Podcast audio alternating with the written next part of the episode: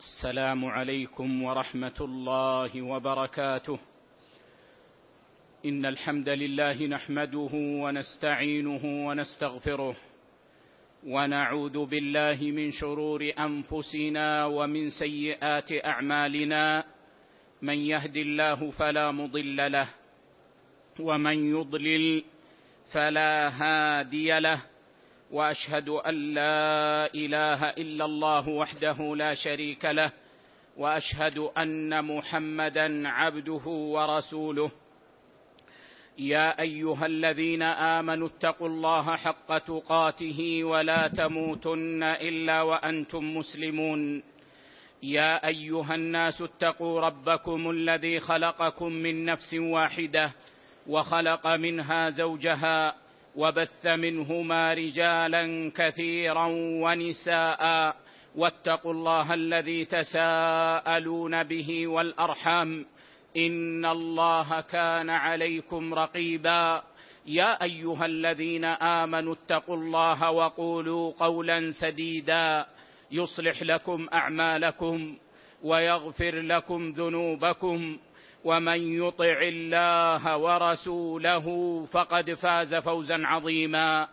أما بعد فإن أحسن الحديث كتاب الله وخير الهدي هدي محمد صلى الله عليه وسلم وشر الأمور محدثاتها وكل محدثة بدعة وكل بدعة ضلالة وكل ضلالة في النار.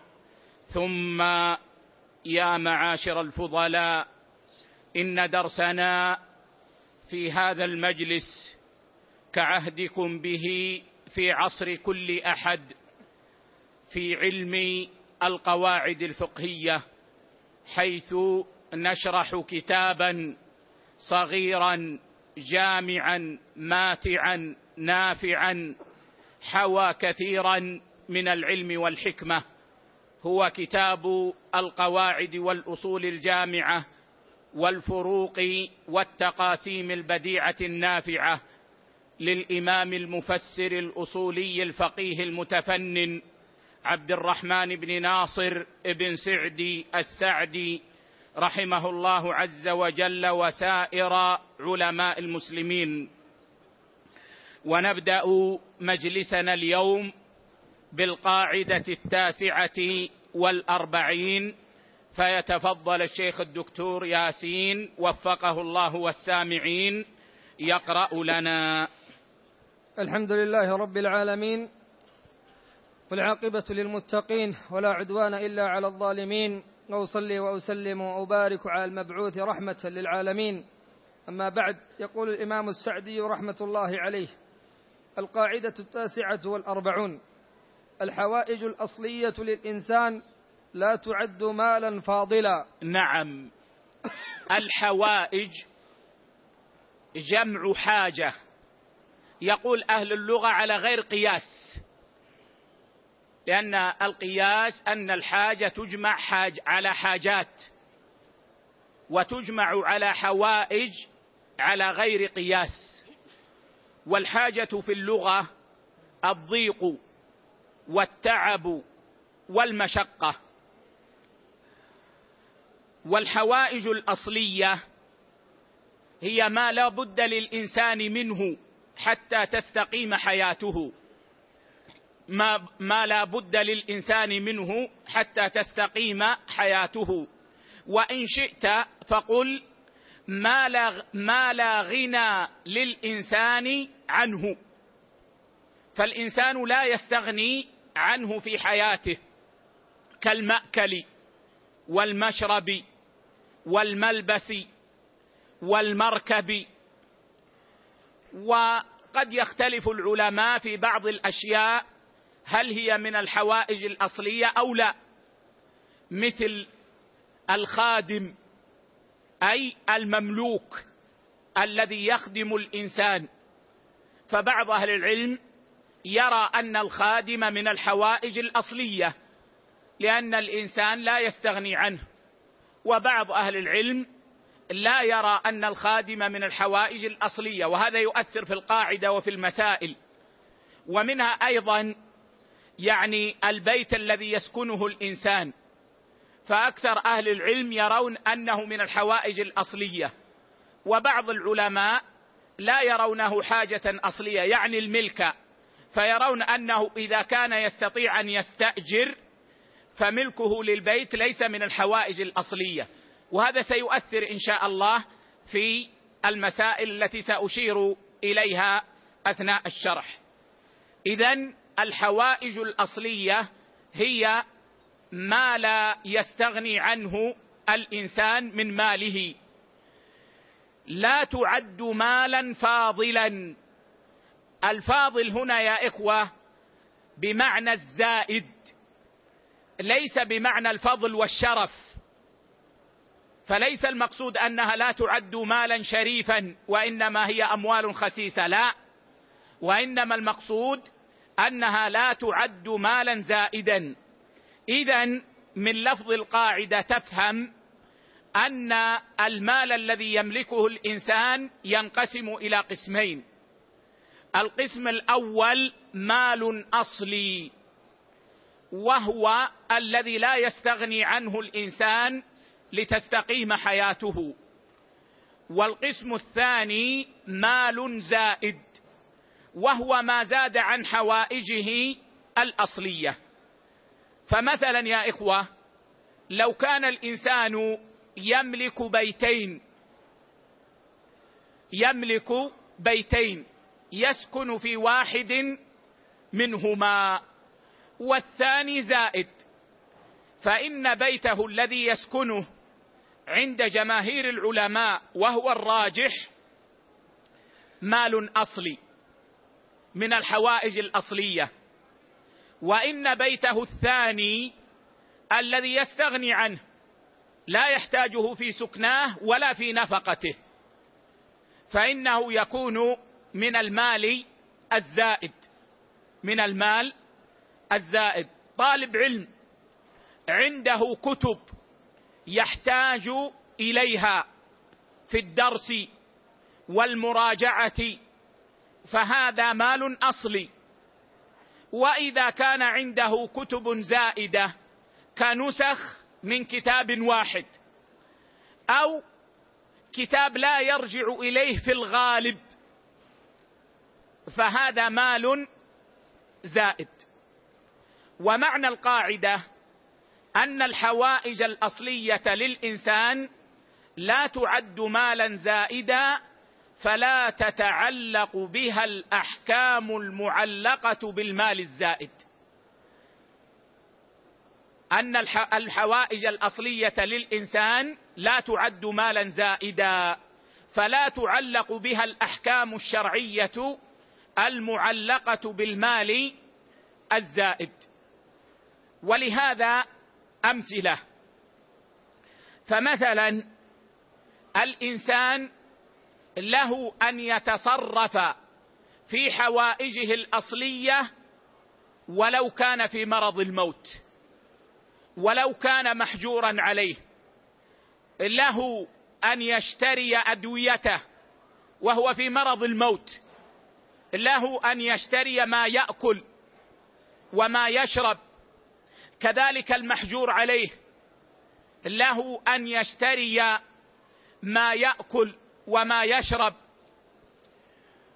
كذلك مثلا الصبي تقدم معنا في كتاب البيوع أنه لا يصح بيعه إلا في المحقرات لكن لو فرضنا أن الصبي لا يستطيع أن يحصل حوائجه الأصلية إلا بهذا البيع.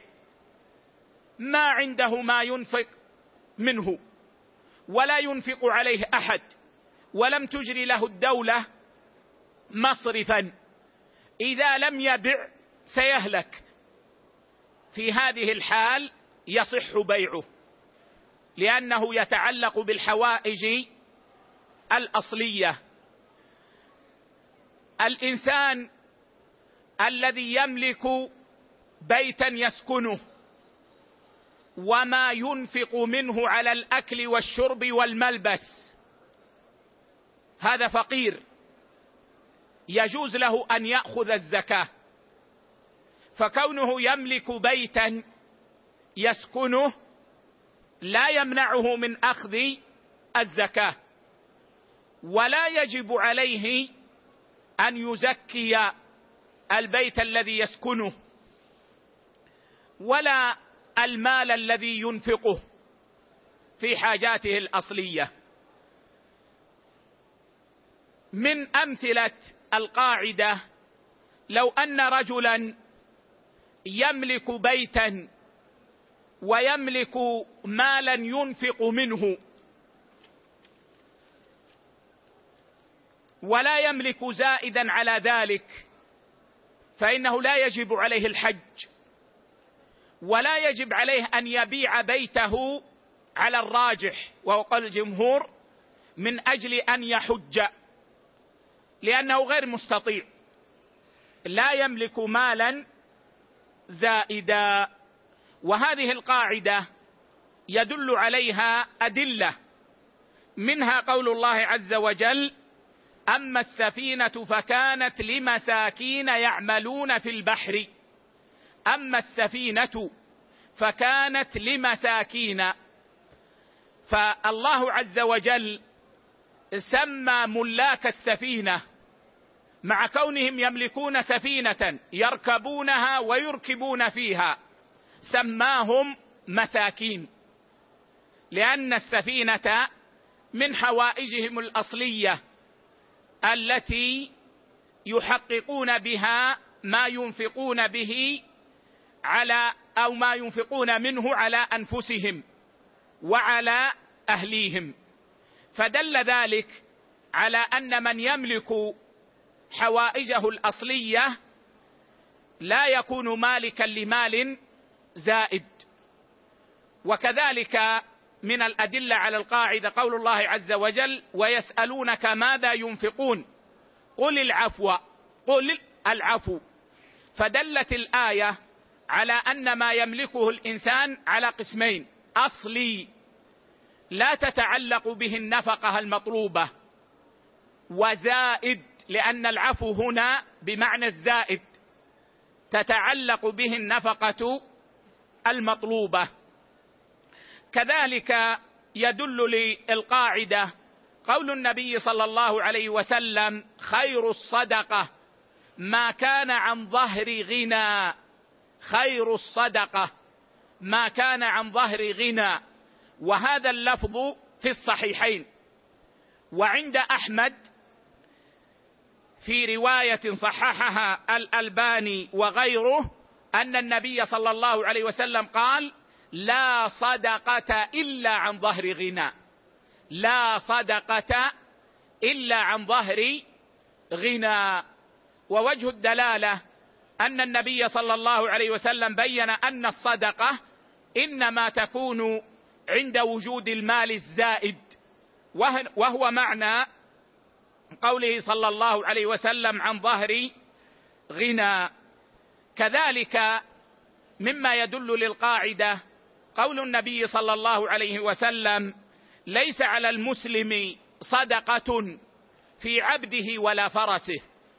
ليس على المسلم صدقة في عبده ولا فرسه والحديث في الصحيحين. ووجه الدلالة أن النبي صلى الله عليه وسلم بين أن عبد المسلم الذي يحتاجه لا صدقة فيه ولا زكاة فيه وكذلك فرسه.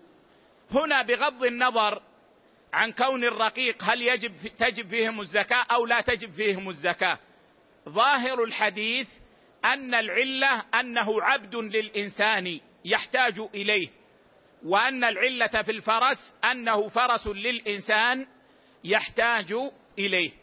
فدلت هذه الأدلة على هذه القاعدة وأن الحوائج الأصلية لا تتعلق بها الأحكام المتعلقة بالأموال لأن الأحكام المتعلقة بالأموال إنما تتعلق بالمال الزائد. ونقرأ ما ذكره الشيخ ونعلق عليه. نعم. قال رحمة الله عليه وذلك ما تعلقت به حاجته في حكم المستهلك. المستهلك. يعني أن ما تعلقت به حاجة الإنسان في حكم المستهلك فهو في حكم المعدوم. فهو في حكم المعدوم كأنه عدم. الموجود كأنه معدوم. الموجود من الحوائج الأصلية كأنه معدوم. لماذا؟ لأن مآله إلى العدم. سيتصرف فيه الإنسان. فهو يؤول إلى العدم. ولذلك يقول الفقهاء في كتبهم حوائج الإنسان الأصلية كالعدم. أي أن مآلها أن تكون معدومة لأنه سيستهلكها فتصبح معدومة. نعم. قال رحمه الله وذلك كالبيت الذي يحتاجه للسكنى. وذلك كالبيت الذي يحتاجه للسكنى. هذا عند جماهير العلماء. البيت الذي يحتاجه الإنسان للسكنى من حوائجه الأصلية. وقوله الذي يحتاجه للسكنى يخرج ما لا يحتاجه للسكنى. فالبيوت في يد الإنسان المملوكة ثلاثة أقسام. القسم الأول بيت يحتاجه ليسكنه. بيت يحتاجه ليسكنه. فهذا من حوائجه الأصلية. والقسم الثاني بيت يحتاجه ليؤجره لينفق على حوائجه الأصلية. مصدر رزق لينفق على حوائجه الأصلية. فهذا أيضا من الحوائج الأصلية. أنا عندي محل أملكه. هذا المحل أؤجره وأنفق من أجرته طوال العام علي وعلى أولادي في حوائجنا الأصلية. هذا أيضا لا يعد زائدا عند أهل العلم وإنما هو من الحوائج الأصلية عند الجمهور. والقسم الثالث ما زاد على ذلك سواء أجره أو لم يؤجره فهو لا يحتاجه للسكنى ولا يحتاجه ليؤجره لينفق على حوائجه الأصلية وإنما هو زيادة في المال فهذا ليس من حوائجه الأصلية. فلو فرضنا أن رجلا يسكن بلدا من بلدان المسلمين يملك بيتا يكفي لسكناه ويملك مالا ينفق منه. فهل يجب عليه أن يبيع بيته ليحج؟ جمهور الفقهاء يقولون لا لا يجب عليه. لأن البيت من حوائجه الأصلية. وإن كان المالكية يقولون يبيعه لأنه يمكنه أن يستأجر. لكن الذي عليه الجمهور أنه لا يلزمه. لو كان عند الإنسان بيت يسكنه وبيت يؤجره هو مصدر دخله لينفق على نفسه وعلى عياله. فهل يجب عليه أن يبيع البيت الذي يؤجره من أجل أن يحج أو يعتمر العمرة الواجبة؟ الجواب لا عند الجمهور لأنه من حوائجه الأصلية. شخص عنده خمسة بيوت أو أربعة بيوت وليس عنده مال سائل في يده فهل يجب عليه أن يبيع أحد البيوت من أجل أن يحج؟ الجواب نعم. باتفاق العلماء إذا كان البيت زائدا عن حاجته للسكنى وعن حاجته لينفق على نفسه وعلى عياله. طيب لو فرضنا أن الإنسان يملك بيتا كبيرا يسكن فيه لكنه يزيد عن حاجته. ولا مال سائل بيده. فهل يجب عليه أن يبيع البيت؟ قال الفقهاء إن كان يستطيع أن يبيع الزائد وجب عليه أن يبيع الزائد. يعني مثلا لو كان البيت عبارة عن فلل صغيرة في حوش واحد وهو يحتاج إلى فلتين إلى دارين والثالث زائد أمكنه أن يقطع هذا الزائد ويبيعه. وجب عليه ذلك. وإن كان يمكنه أن يبيع البيت الكبير الزائد عن حاجته ويشتري بيتا صغيرا على قدر حاجته ويحج بالزائد وجب عليه ذلك. اذا العبرة يا إخوة بحاجة الإنسان الأصلية. هذا ما يتعلق بالبيت. قال رحمه الله والخادم. والخادم. ليس المقصود من الخادم يا إخوة من يخدم الإنسان في مصطلح الناس اليوم وإنما المقصود بالخادم المملوك الذي يحتاجه الإنسان للخدمة. المملوك الذي يحتاجه الإنسان للخدمة يعني إنسان عنده عبد مملوك أو أمة. ويحتاجه في خدمته. فحلف يمينا ووجبت عليه الكفارة.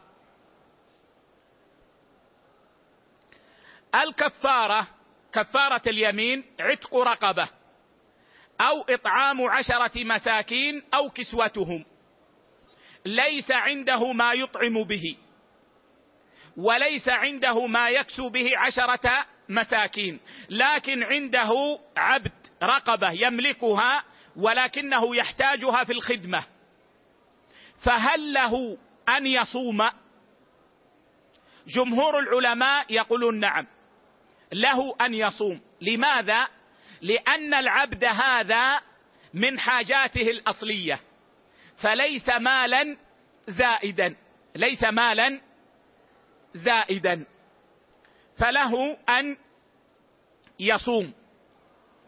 والحنفية والمالكية يقولون ليس له ذلك بل يجب عليه أن يعتق. لأنهم يرون أن العبد الخادم ليس من الحاجات الأصلية بل هو زائد. والذي يظهر لي والله أعلم أن الراجح في المسألة هو التفصيل.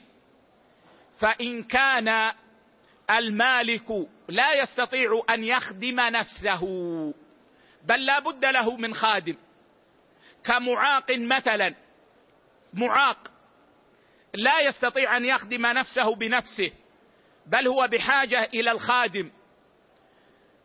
فإن الخادم هنا من الحوائج الأصلية ويصوم في الكفارة وإن كان يملك هذه الرقبة.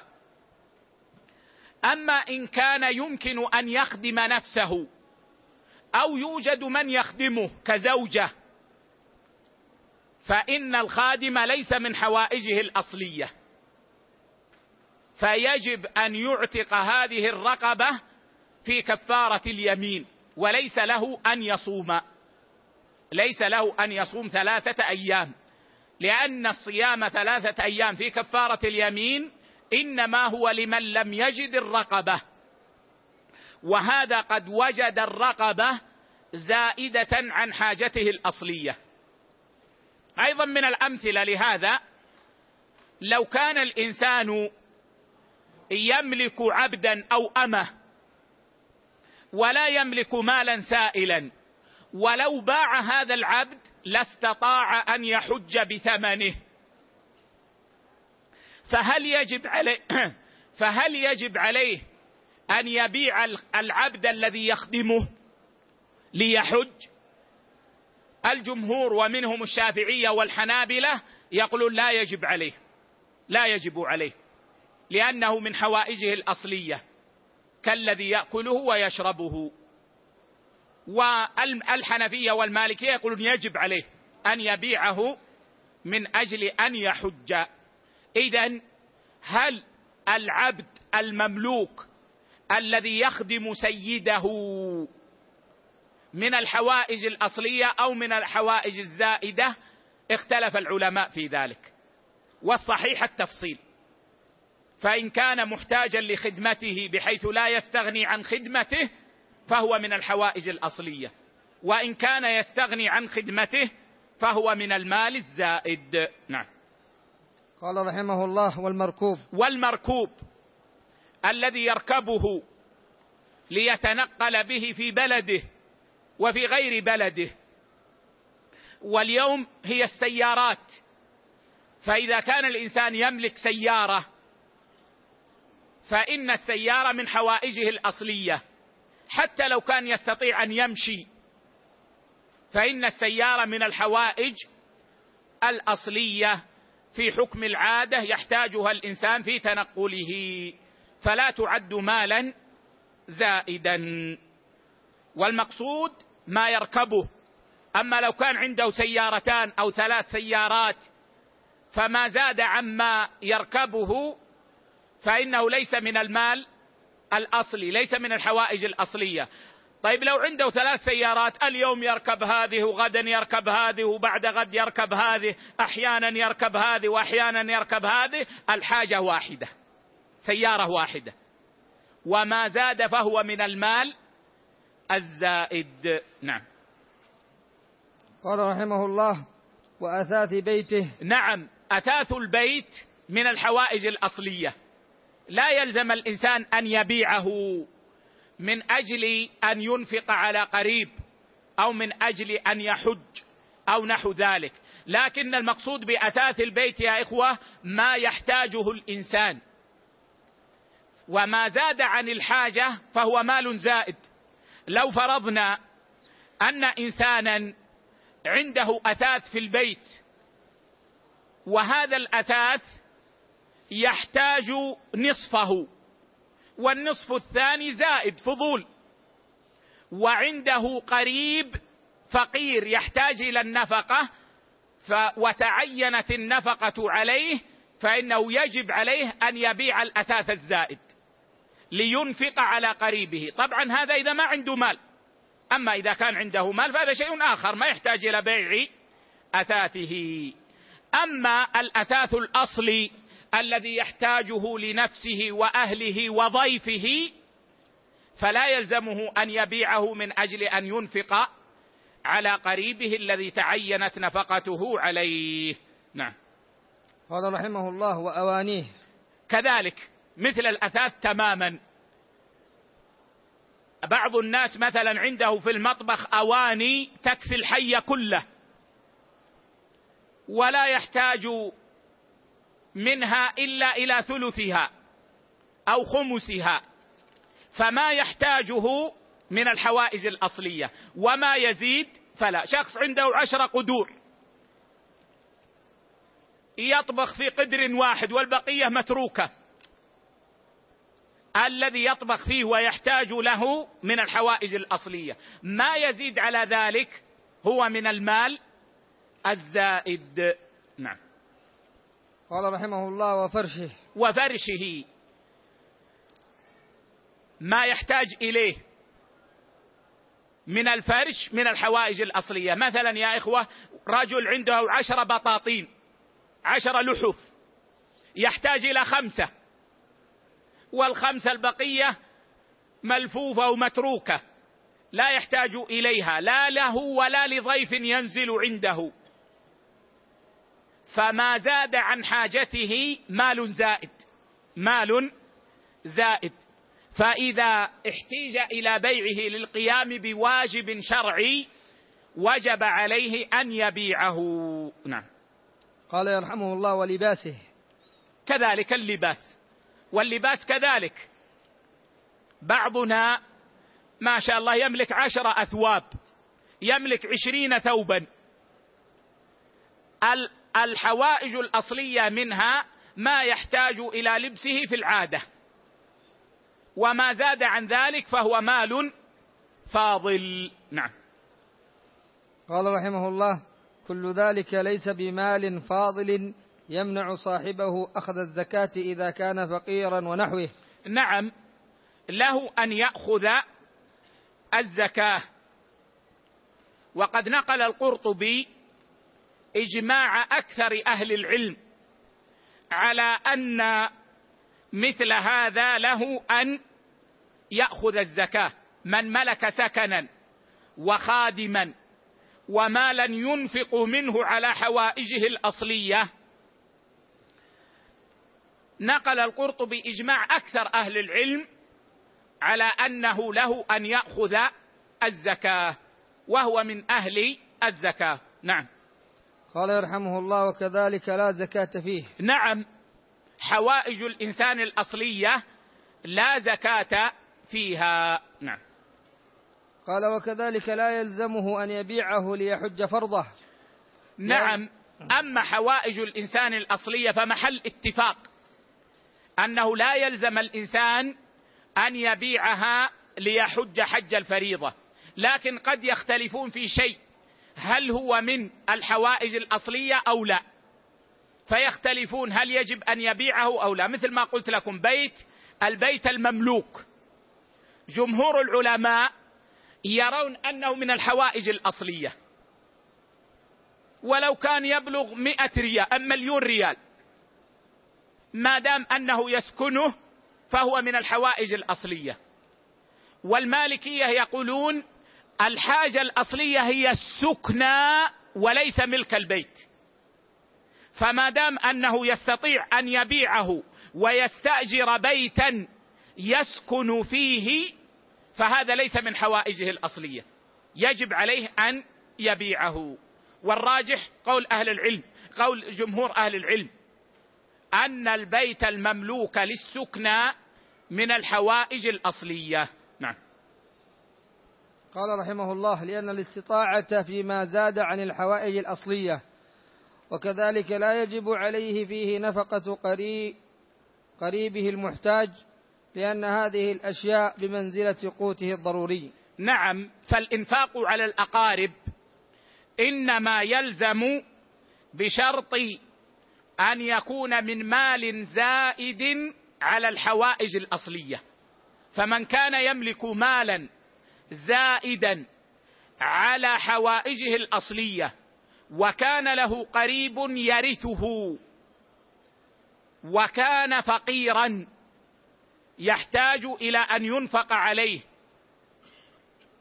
وتعينت النفقة عليه لأنه لا أقرب منه إليه فإنه يجب عليه أن ينفق من ماله الزائد عليه. أما إذا كان الذي عنده فقط يكفيه ويكفي أولاده ليعيش فإنه لا يجب عليه أن ينفق وإنما تكون النفقة على بيت مال المسلمين. نعم.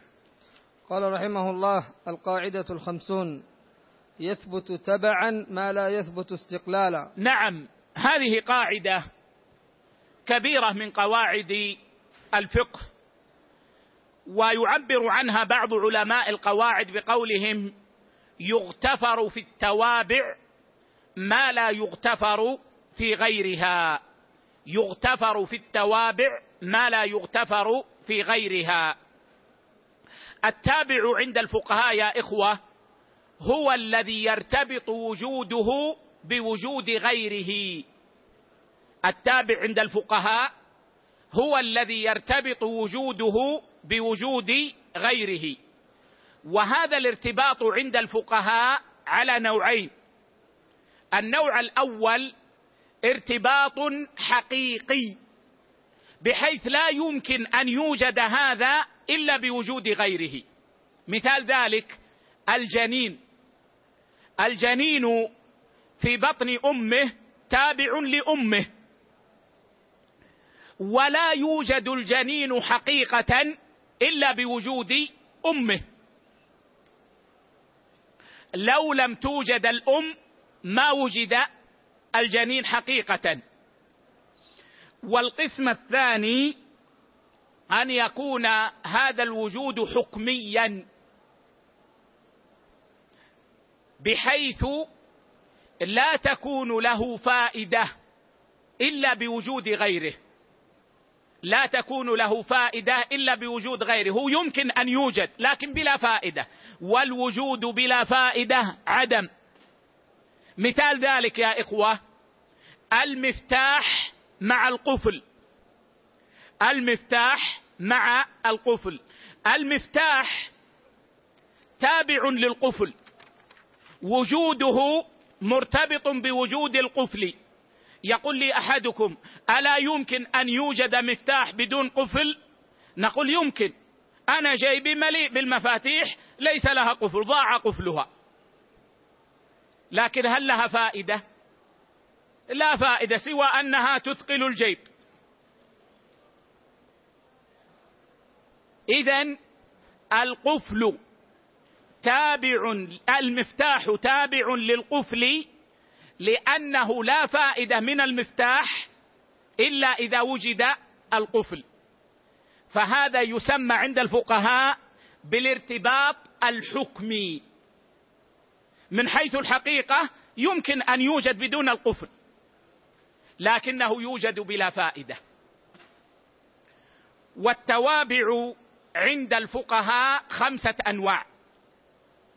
التوابع عند الفقهاء خمسة أنواع. النوع الأول ما كان جزءا من الشيء ما كان جزءا من الأصل أي أن الأصل مكون من من أجزاء فالجزء تابع لهذا الأصل. مثل الرأس التابع للجسد اليد تابعة للجسد فرأس الدابة تابع للدابة يد الدابة تابعة للدابة لماذا؟ لأنها جزء منها. القسم الثاني أو النوع الثاني ما كان كالجزء في الاتصال ليس جزءا لأن الأصل كامل بدونه. ولكنه يتصل بالأصل اتصال الجزء به. مثل الجنين في بطن الأم. الجنين يا إخوة في بطن الأم ليس من أجزائها. الأم كاملة بدون الجنين. ولكن الجنين في بطنها كأنه جزء منها. يتصل بها اتصال الجزء. والنوع الثالث أو القسم الثالث ما كان من ضرورات الأصل. والمعنى ما لا فائدة فيه إلا بوجود الأصل. ولا تتم فائدة الأصل إلا به. انتبهوا. ما لا فائدة فيه إلا بوجود الأصل ولا تتم فائدة الأصل إلا به. مثل القفل المفتاح للقفل. المفتاح للقفل يقول الفقهاء من ضرورات القفل. لماذا؟ لأن المفتاح بلا قفل لا فائدة منه. طيب فائدة القفل هل تتم بدون وجود مفتاح؟ القفل يفيد بدون مفتاح. تحفظ به ما في الحقيبة مثلا وتغلق بالقفل. لكن الفائدة لا تتم إلا بوجود المفتاح. لأنك إذا أردت أن تفتح هذه الحقيبة فإنك تحتاج إلى المفتاح. أنا دائما أضرب للطلاب مثالا من واقعهم. القلم القلم وخاصة السائل وكلا النوعين يصلح للمثال. القلم السائل له غطاء له غطاء. الغطاء تابع للقلم لأن الغطاء بذاته لا فائدة منه بدون القلم. لو تملك ألف غطاء ماذا تنتفع منها؟ ما تنتفع بشيء. والقلم لا تتم فائدته إلا بوجود الغطاء. لأنه إذا كان سائلا إذا كان بدون غطاء بعد ساعة أو ساعتين أو يوم أو يومين يجف. فما تتم فائدته. كذلك لو وضعته في جيبك بدون غطاء سيتسق ثوبك. لو كان قلما جافا وله غطاء. لو لم يكن الغطاء موجودا وضعته مع الكتب تتسخ الكتب به. وضعته في جيبك يتسخ جيبك به. إذا الغطاء مع القلم من ضرورات القلم. لماذا من ضرورات القلم؟ لأن الغطاء بلا قلم لا فائدة منه. ولأن فائدة القلم لا تتم إلا بوجود الغطاء. القسم الرابع أو النوع الرابع ما كان صفة في الأصل فهو تابع مثل السمن. يقال هذه الدابة سمينة فالسمن تابع للدابة. هذه الدابة هزيلة. فالهزال تابع للدابة. القسم الخامس ما دخل في الأصل عرفا ما تبع الأصل عرفا. يعني أنه في العرف يعد تابعا له. ولهذا أمثلة. مثلا السيارة. السيارة.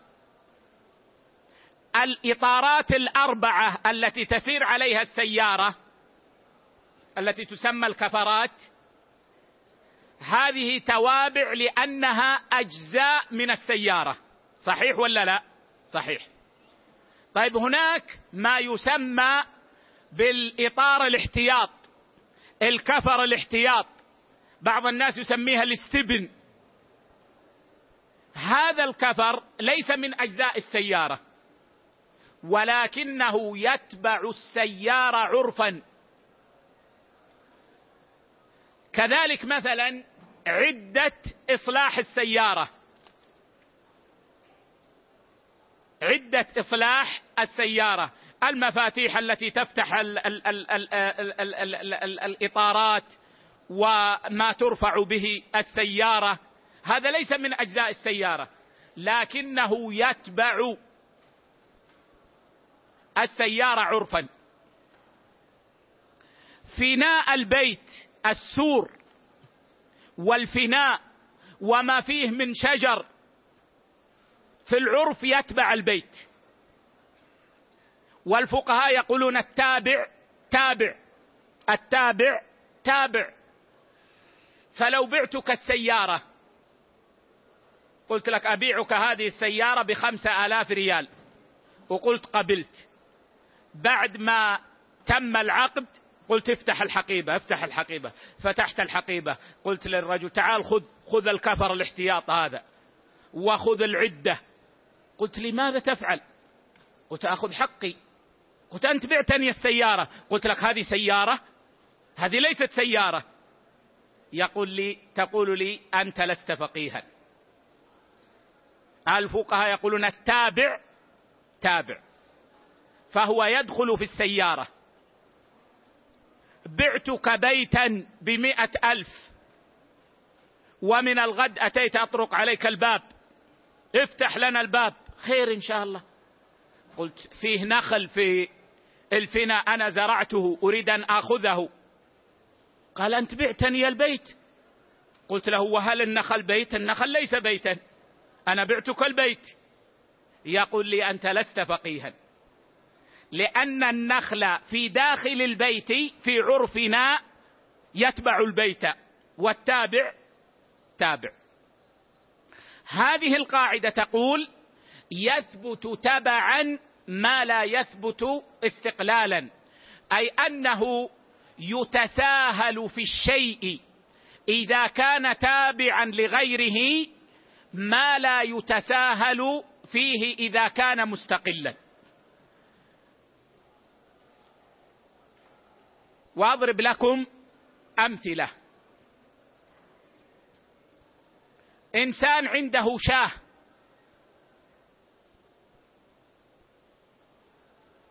في بطنها جنين. في بطنها جنين. عنده شاه أو بقرة. في بطنها جنين. ذبح الشاة. ذبح الشاة. فخرج الجنين من بطنها مكتمل الخلقة ميتا.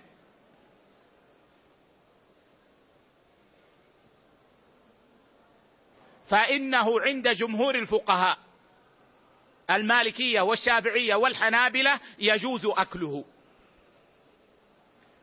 إنسان عنده بقرة في بطنها جنين ذبحها. بعدما ذبحها خرج الجنين من بطنها. وإذا بالجنين مكتمل الخلقة ليس ناقصا. ميتا. فإن الجمهور يقولون يجوز أن يأكله. طيب ما ذبح؟ ما ذكي؟ قالوا هو تابع. والتابع يغتفر فيه ما لا يغتفر في الأصل. طيب.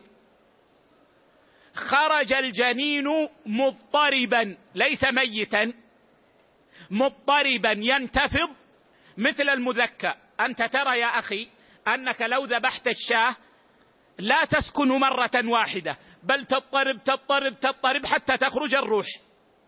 خرج الجنين ذكى الشاة فخرج الجنين من بطنها مضطربا ينتفض. ما خرج ميتا لكن ينتفض فمات. يقولون يجوز أن يأكله لأن هذا مثل مثل اضطراب المذكى. طبعا هذا عند الجمهور خلافا للأحناف. طيب لو فرضنا أنه ذبح الشاة فخرج الجنين حيا حياة مستقرة. خرج الجنين من بطنها حيا حياة مستقرة ليس مضطربا. وبعد ساعتين أو ثلاث ساعات مات. أجمع العلماء على أنه لا يجوز أكله. ما الفرق بين الحالتين؟ أنه في الأولى كان تابعا ويثبت تبعا ما لا يثبت استقلالا. وفي الثانية صار مستقلا خرج حيا حياة مستقرة. ثم مات بدون أن يذكى فإنه لا يجوز أكله بالإجماع. فيثبت تبعا ما لا يثبت استقلالا. ودليل هذا كله قول النبي صلى الله عليه وسلم زكاة الجنين زكاة أمه. زكاة الجنين زكاة أمه. رواه أبو داود وصححه الألباني. فالحديث يدل على أن الأم إذا ذكيت فخرج جنينها ميتا أو مضطربا يجوز أكله. لأن ذكاة أمه ذكاة له. أما إذا استقل فإنه يرجع إلى الأصل. لا بد أن يذكى. طيب انتبهوا للمثال الذي أذكره الآن. الفقهاء يقولون يجوز أكل الدود المتولد من الطعام تبعا لأصله. انتبهوا لما أقول. يقول الفقهاء يجوز أكل الدود المتولد من الطعام تبعا لأصله. يجوز أكل الدود المتولد من الطعام وليس المتولد في الطعام. وفرق بين الأمرين.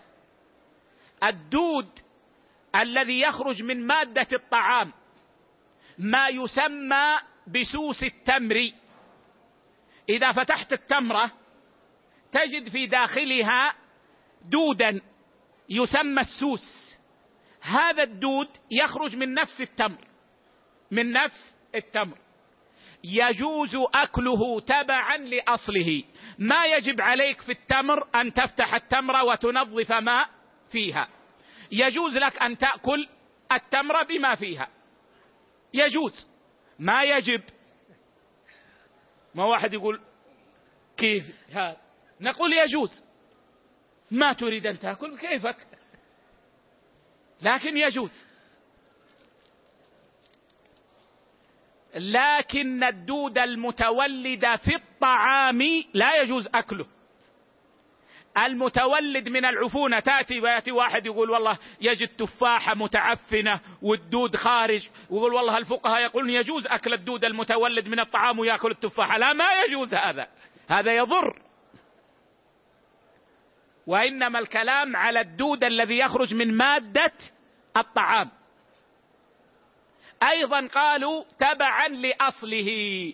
فلو أن انسانا جاء بالتمر ويفتح التمرة ويخرج الدود ويضع في طبق. وجاب التمرة الثانية ويخرج الدود ويضع في طبق. حتى أصبح طبقا من دود التمر. وأخذ يأكله يقول الفقهاء لا هذا ما يدخل في المسألة. هذا يدخل في مسألة أخرى وهي أكل الدود وهذا له تفصيل عند الفقهاء. ولكن يجوز أكله تبعا لأصله. من أمثلة القاعدة عند أهل العلم أن المرأة إذا صلت الجمعة مع الرجال صحت صلاتها بالإجماع.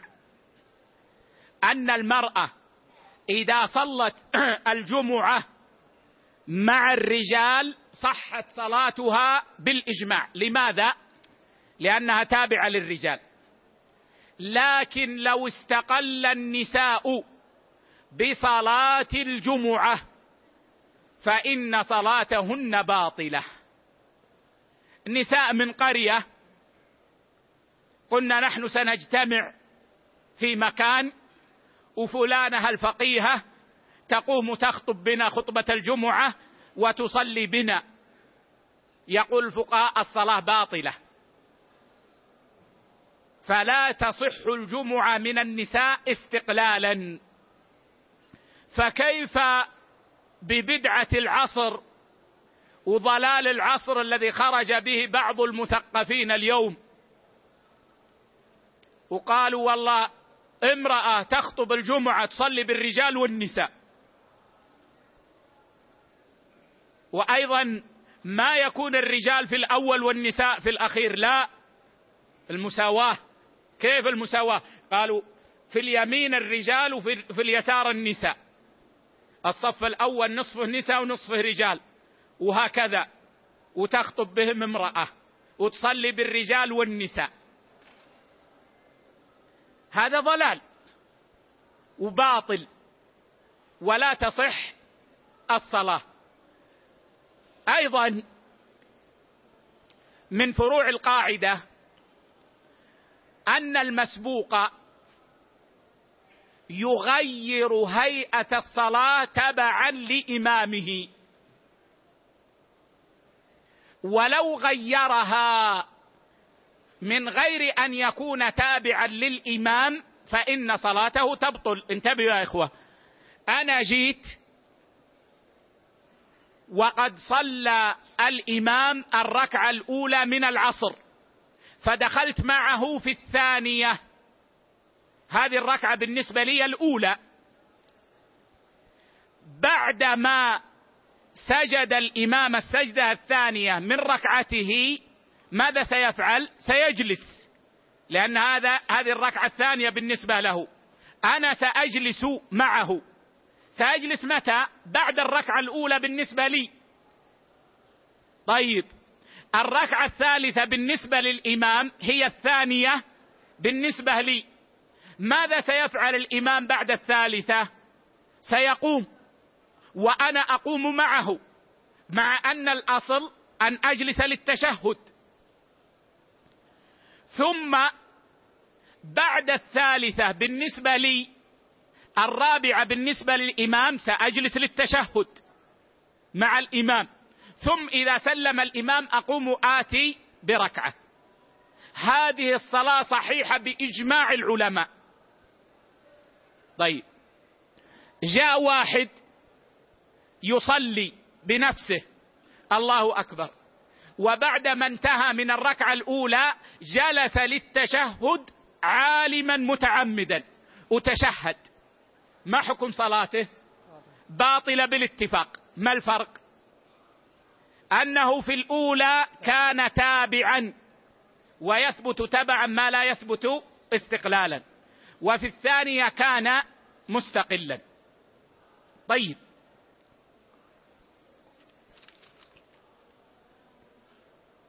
ادعت امرأة أن زوجها طلقها أن زوجها طلقها. فطلبنا منها الشهود. فأتت بامرأتين شهدتا أن زوجها قد طلقها. فإن الفقهاء يقولون لا يقبل هذا ولا يقع الطلاق بشهادة النساء لأن هذا مما لا يختص به النساء. فلا نبطل العقد بشهادة النساء. طيب. رجل تزوج امرأة فجاءت امرأتان أو امرأة واحدة على الصحيح. فشهدتا أن هذه المرأة التي تزوجها قد رضعت معه من أمه. خمس رضعات معلومات مشبعات أو أكثر.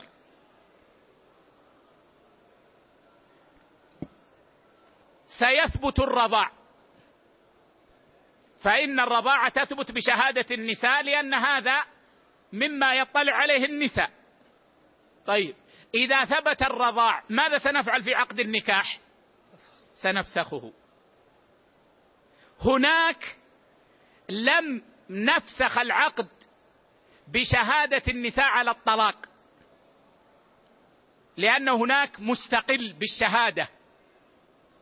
وهنا فسخنا العقد بشهادتهن على الرضاع لأن فسخ العقد تابع للرضاعة.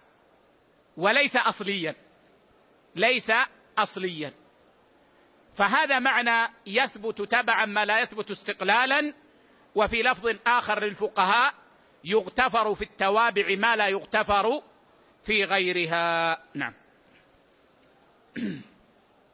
قال رحمة الله عليه وذلك أن المسائل والصور التابعة لغيرها يشملها حكم متبوعها فلا تفرد بحكم فلو أفردت بحكم لثبت لها حكم آخر. نعم.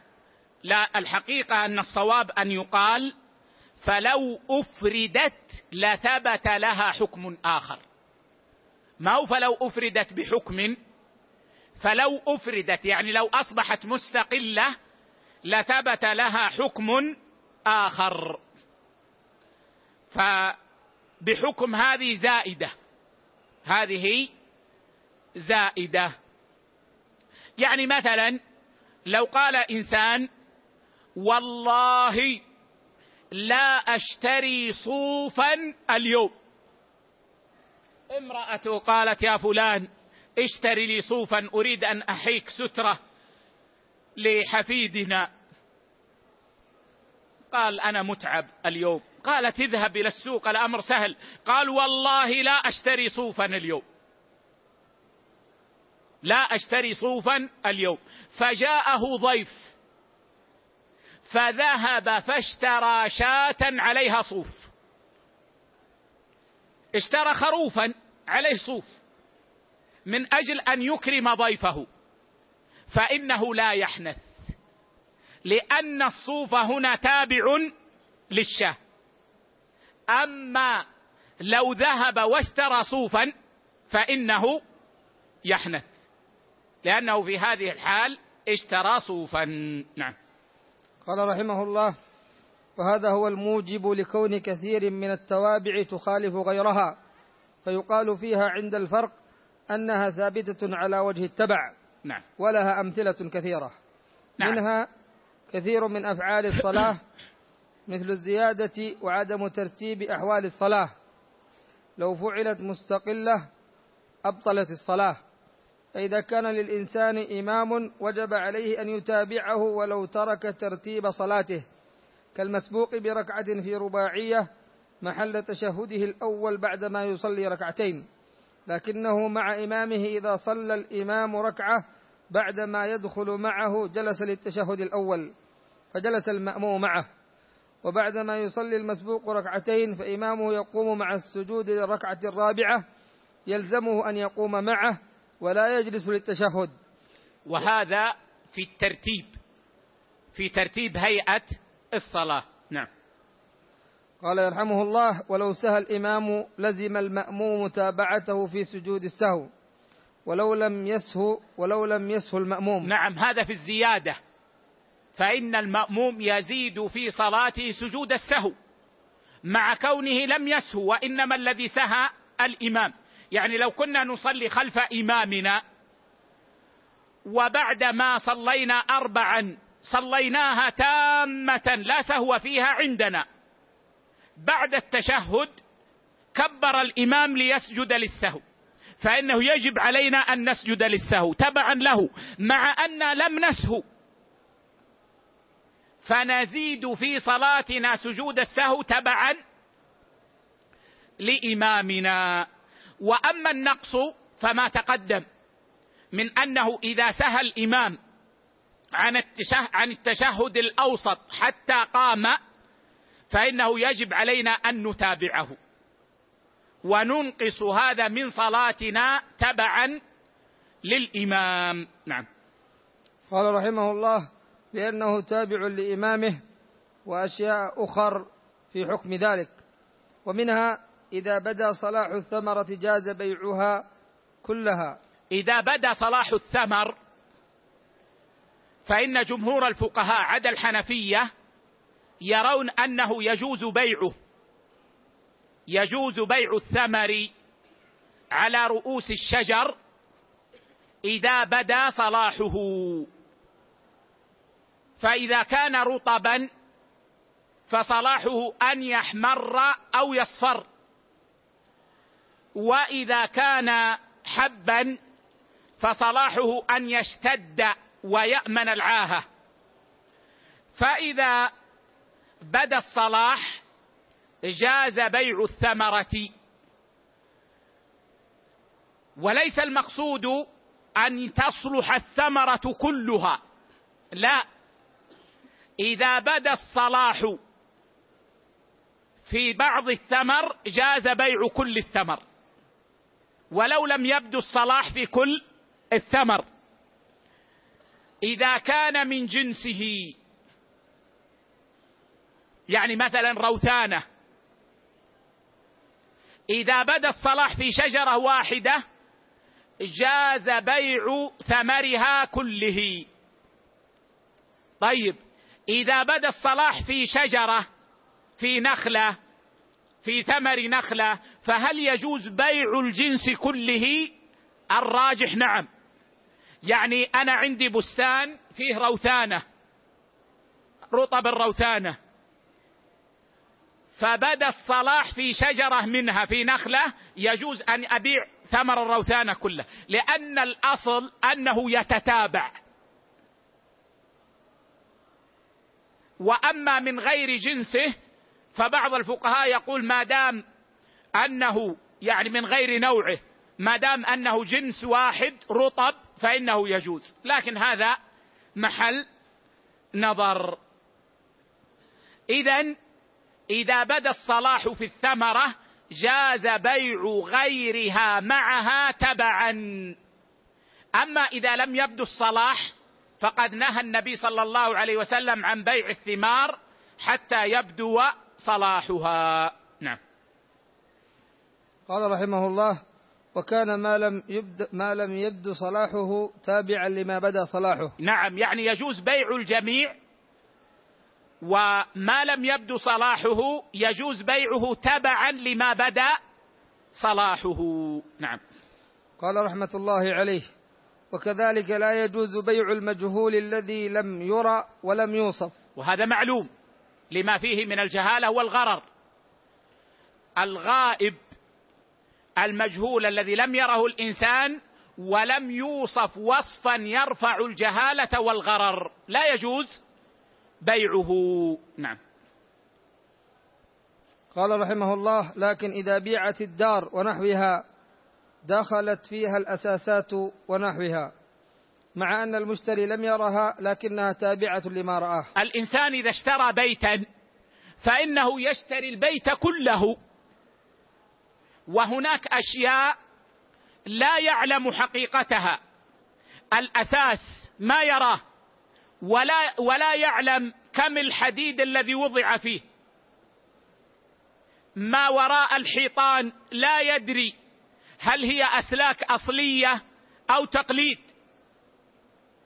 ففيها جهالة وفيها غرر لكن البيع جائز لأنها تابعة وليست أصلية تابعة للدار تابعة للدار. نعم. قال رحمة الله السيارة عليه. مثلا تشتريها ويدخل في ذلك كما قلنا الإطار الاحتياطي ويدخل في ذلك العدة عدة السيارة. ولا يشترط أن تراها.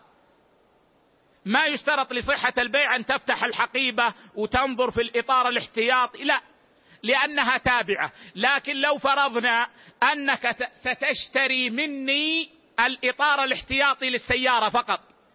أنا عندي سيارة واقفة عند البيت فجئتني وقلت أريد أشتري منك الاستبنة أشتري منك الكفر الاحتياطي بس بدون السيارة. ما يجوز أن تشتريه بدون أن تراه أو بدون أن أصفه لك وصفا يرفع الجهالة والغرض لماذا؟ لأنه أصبح مستقلا. أصبح مستقلا. نعم. قال رحمه الله ومنها إجبار الشريك على العمارة مع شريكه تبعا له. الشريك يجبر على عمارة ما اشترك فيه الشريكان إذا كان شريكه يتضرر من عدم العمارة.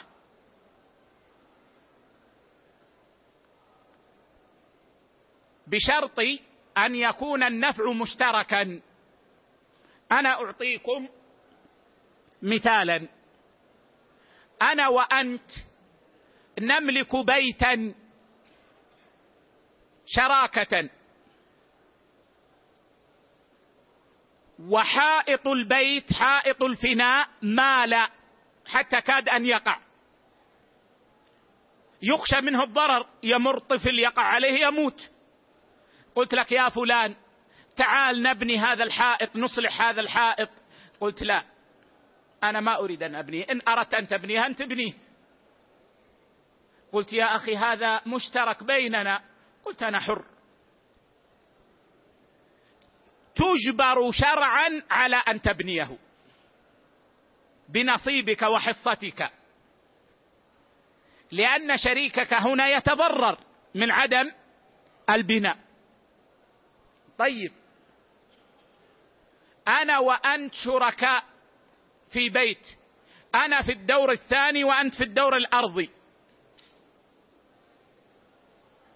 وتعطلت تعطلت اللمبة النور الذي في المدخل وأصبح المدخل مظلما.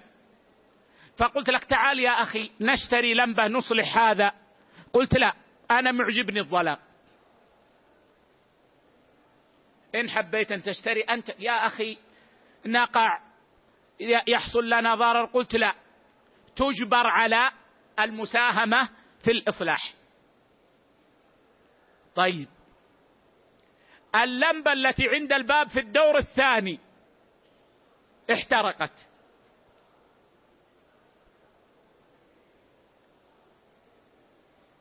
فقلت لي تعال نصلح هذه اللمبة هات خمسة ريال اللمبة بعشرة ريال هات خمسة ريال.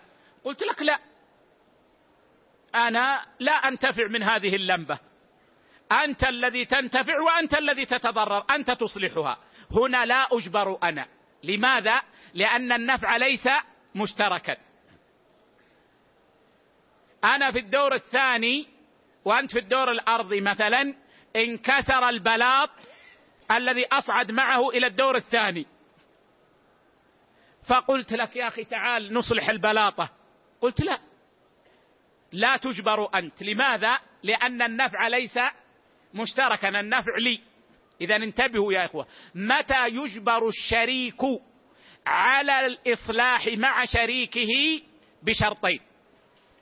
الشرط الأول أن يتضرر الشريك من عدم الإصلاح. الشرط الثاني أن تكون المنفعة مشتركة بين الشريكين. فإن تخلف أحد الشرطين لم يجبر الشريك. نعم. قال رحمه الله مع أنه لو انفرد بالملك لم يجبر على التعمير. نعم لا يجبر أحد على أن يعمر ملكه الخاص. إن شاء أن يعمر وإن شاء أن يتركه. ما يجبر عليه. لكن إذا كان شريكا وكان شريكه يتضرر في أمر يشتركان فيه في المنفعة فإنه يجبر عليه لأنه تابع. لأنه تابع. نعم. قال رحمه الله وكذلك إجباره على البيع إذا طلبه الشريك في الأشياء التي تضر قسمتها. نعم. إذا كان هناك شيء لو قسمناه لوقع الضرر. فقال الشريك نريد أن نبيع. وقال الآخر لا. تعال إما قاسمني أو تبقى. وقال أصيحاب الفرار أو الردى فقلت هما أمران أحلاهما مر أن أبقى معه أتضرر وأن أتقاسم معه أتضرر في هذه الحال قال الفقهاء يجبر الشريك على شراء حصة شريكه بقيمتها أو يباع أو يباع.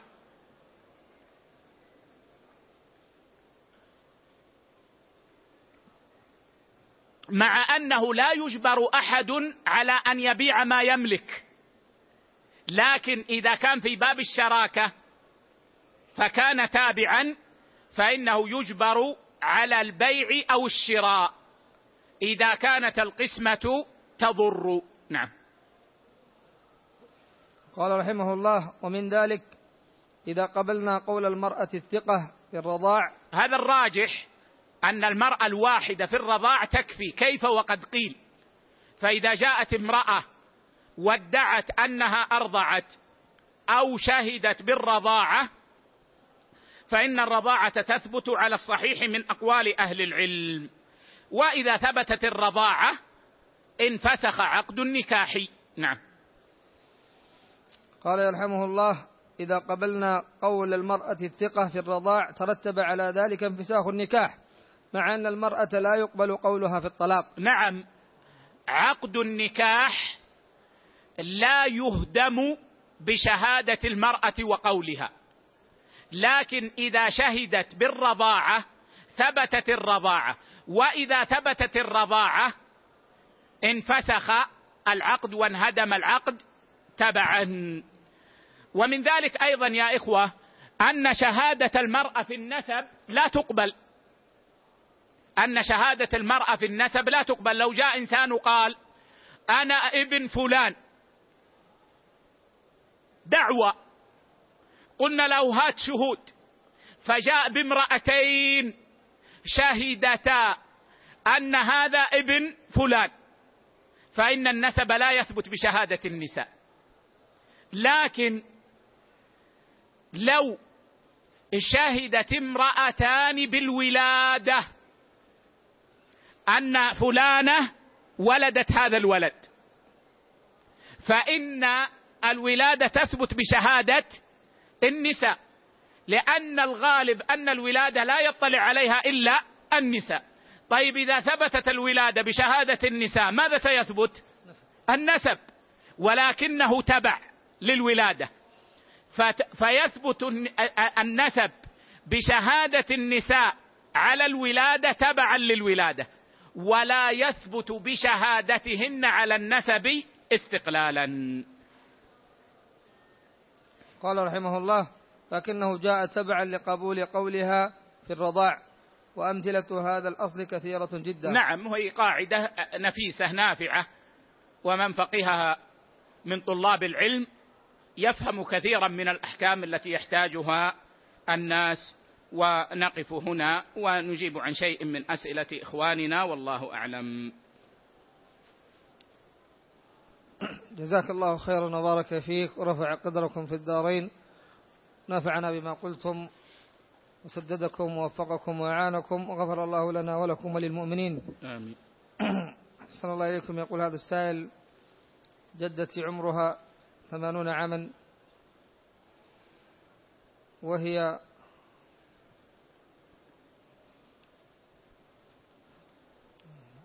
وهي الآن عرفت أن الله لعن الواشمة والمستوشمة. نعم. كأنهم يعني وشموا وجهها. نعم. يقول فما الحكم؟ نعم. يا إخوة أولا ما أفتي به أنا أو يفتي به غيري من المشايخ إنما هو فتوى للمفتي بحسب ما يظهر له من الدليل ومن الأصول الشرعية. ولا يجوز شرعا أن تضرب الفتاوى ببعضها. ما يجوز أن تستفتيني بمسألة ثم تأتي وتقول الشيخ سليمان يرد على فلان في فتواه.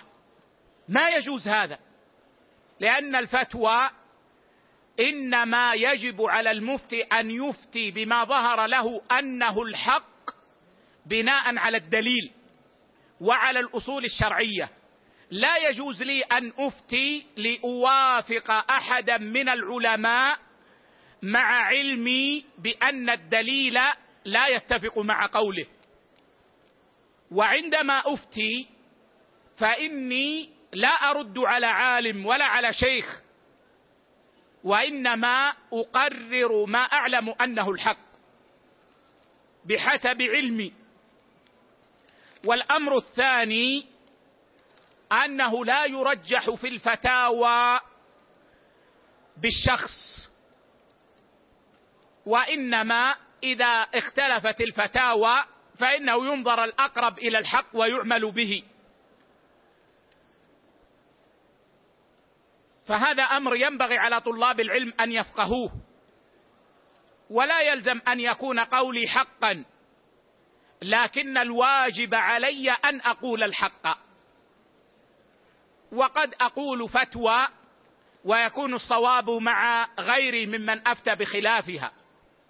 ولكن بحسب علمي فالذي قلته هو الحق.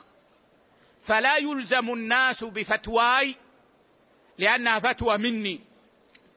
وإنما إذا علم أن هناك فتوى لعالم وشيخ معتبر تعارض فتواي فإنه ينظر إلى الراجح والأقوى ويؤخذ به.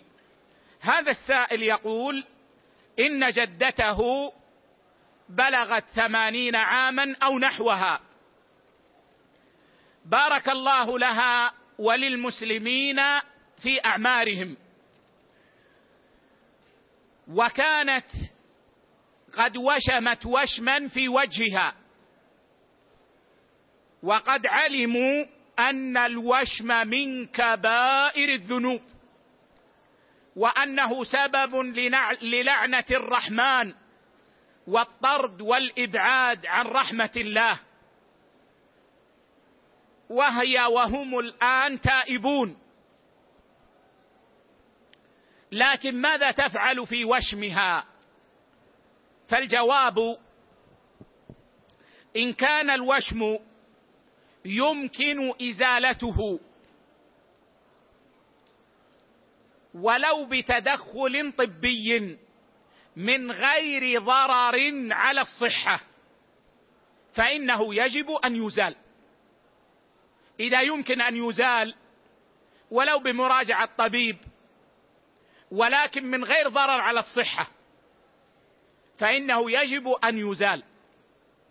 أما إذا لم تمكن إزالته أو كان في إزالته خطر على الصحة كبعض استعمالات الليزر أو نحو ذلك فإنه لا يلزم أن يزال. لكن إن أمكن أن يغطى وجب أن يغطى. إذا كان يمكن أن يغطى وجب أن يغطى كأن كان في الذراع ويمكن أن يلبس. قم طويل يستره وجب ذلك.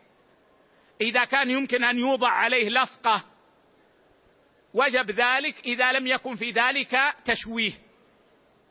وإذا لم يمكن كل ذلك فإنه يكفي الندم والعزم على عدم العود. والله غفور رحيم. نعم. جزاكم الله خيرا وبارك فيكم. أحسن الله إليكم. تواردت التنبيهات على تتمة السؤال بالأمس وهنا سؤال يضاف إلى سؤال الأمس. يقول أنا من المغرب. يقول من هم ولاة الأمور؟ وهل يدخل فيهم الوزير والمحافظ ونحوه؟ وما ضابط طاعتهم؟ وهل يشرع لنا تكفيرهم والتحذير منهم والدعاء عليهم؟ سواء في المجالس الخاصة أو العامة وهل يعتبر هذا من النصح وإظهار الحق. أما ولي الأمر فهو الرئيس الأعظم للبلاد الرئيس الأكبر للبلاد الملك رئيس الدولة السلطان الأمير الشيخ الحاكم الأكبر للبلد هو ولي الأمر. والأصل في المسلمين أن يكون لهم ولي أمر واحد يجمعهم في جماعة الأبدان. كما أن لهم دينا واحد يجمعهم في جماعة الأديان. لكن إذا تعذر أن يكون لهم إمام واحد لتقصير منهم أو لأمر من خارج عنهم فإن العلماء مجمعون من كل مذهب على أن لكل بلد ولي أمره حاكمه الذي عليه ما على الخليفة العام وله ما للخليفة العام. ذكر هذا الإجماع الشوكاني والصنعاني وشيخ الإسلام محمد بن عبد الوهاب وابن عثيمين والإجماع العملي مقطوع به. فإنه من أيام بني أمية حصل انقسام إلى يومنا هذا. والعلماء مجمعون على إعطاء أحكام الولاية لمن قام في البلد من المسلمين. فالحاكم المسلم في أي بلد فهو ولي الأمر الشرعي. الحاكم في السعودية ولي أمرهم. الحاكم في الكويت ولي أمرهم. الحاكم في الإمارات ولي أمرهم. الحاكم في مصر ولي أمرهم. الحاكم في السودان ولي أمرهم. الحاكم في المغرب ولي أمرهم. وهكذا. وهذا محل إجماع. وهو الذي تقتضيه المصلحة الشرعية والأدلة المرعية. فإنا لو قلنا إن الأمة بلا ولاية شرعية اليوم للزم من ذلك أن الأمة كلها تعيش عيشة جاهلية. لأنه يلزم من هذا أنه لا بيعة في الأعناق. ويلزم من هذا أن تكون الأمة تعيش عيشة جاهلية وهذا لا يمكن أن يكون لأمة محمد صلى الله عليه وسلم فإنه لا تزال طائفة من أمة محمد على الحق ظاهرين صلى الله عليه وسلم. حتى يأتي أمر الله. كما يلزم من ذلك أن تضيع مصالح الأمة. ولا شك أن إقامة ولي الأمر من أعظم فرائض الدين. فإذا تعذر أن يقام في كل البقاع إمام واحد لزم كل لزم كل أهل بلد أن يقيموا إماما لهم. وأما الوزراء والمدراء فهم نواب لولي الأمر. فيما أسند إليهم من أعمال. وهم يأخذون حكم ولي الأمر على الراجح فيما أسند إليهم. فوزير الشؤون الإسلامية ولي أمر في الشؤون الإسلامية. ووزير البلديات ولي أمر في البلديات.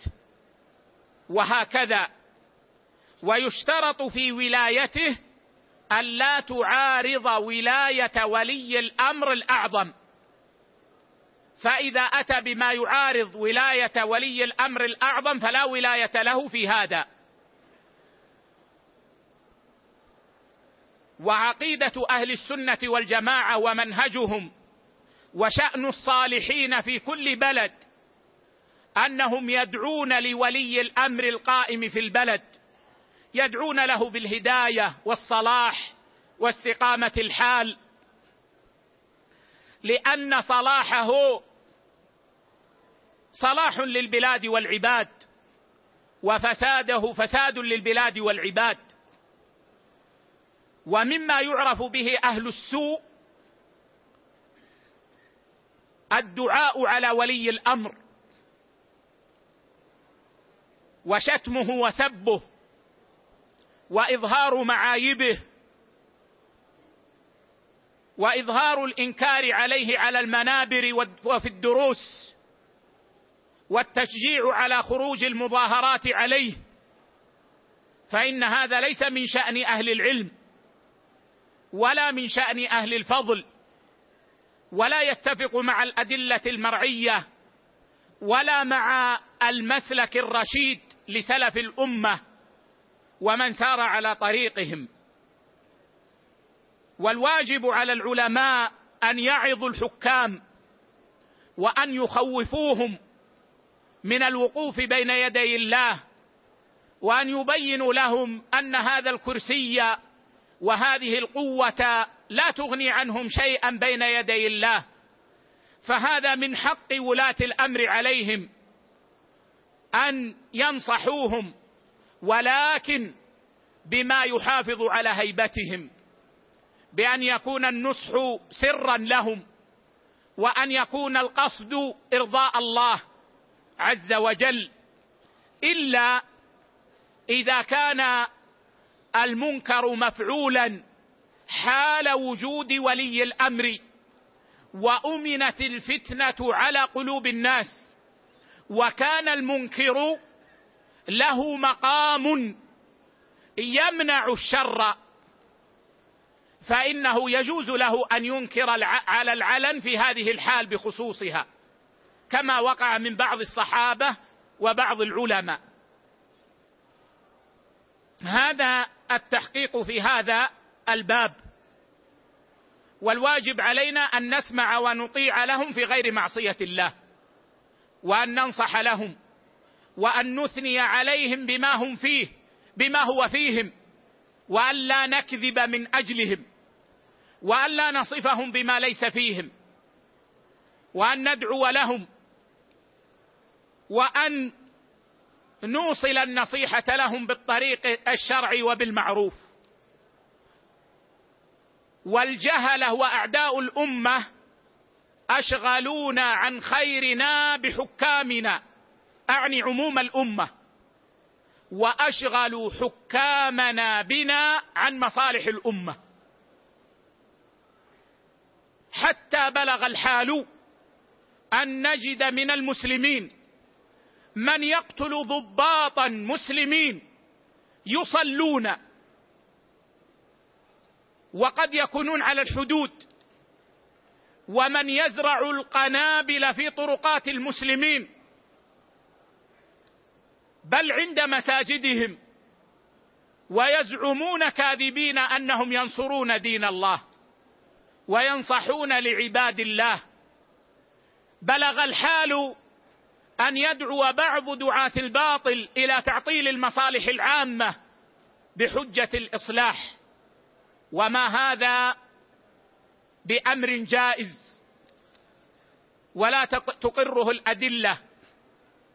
والموفق من المؤمنين يا إخوة من يقيد عاطفته بعقله ويقيد عقله بشرع رب العالمين.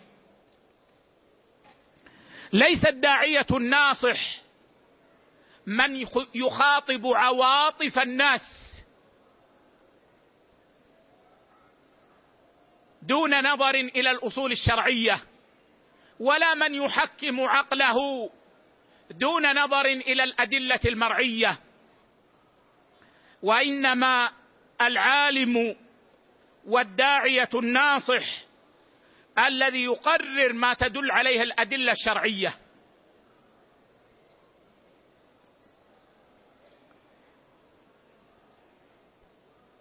فلا ينفر عن حق بالعواطف. حتى بعض طلاب العلم الذين على منهج طيب ينفرون عن الحق بالعواطف لا بالأدلة ولا بالشرع ولا يدعو إلى باطل بالعواطف. وإنما الشأن قال الله قال رسوله صلى الله عليه وسلم وما مشى عليه سلف الأمة رضوان الله عليهم ولعل في هذا كفاية والله أعلم وصلى الله على نبينا وسلم.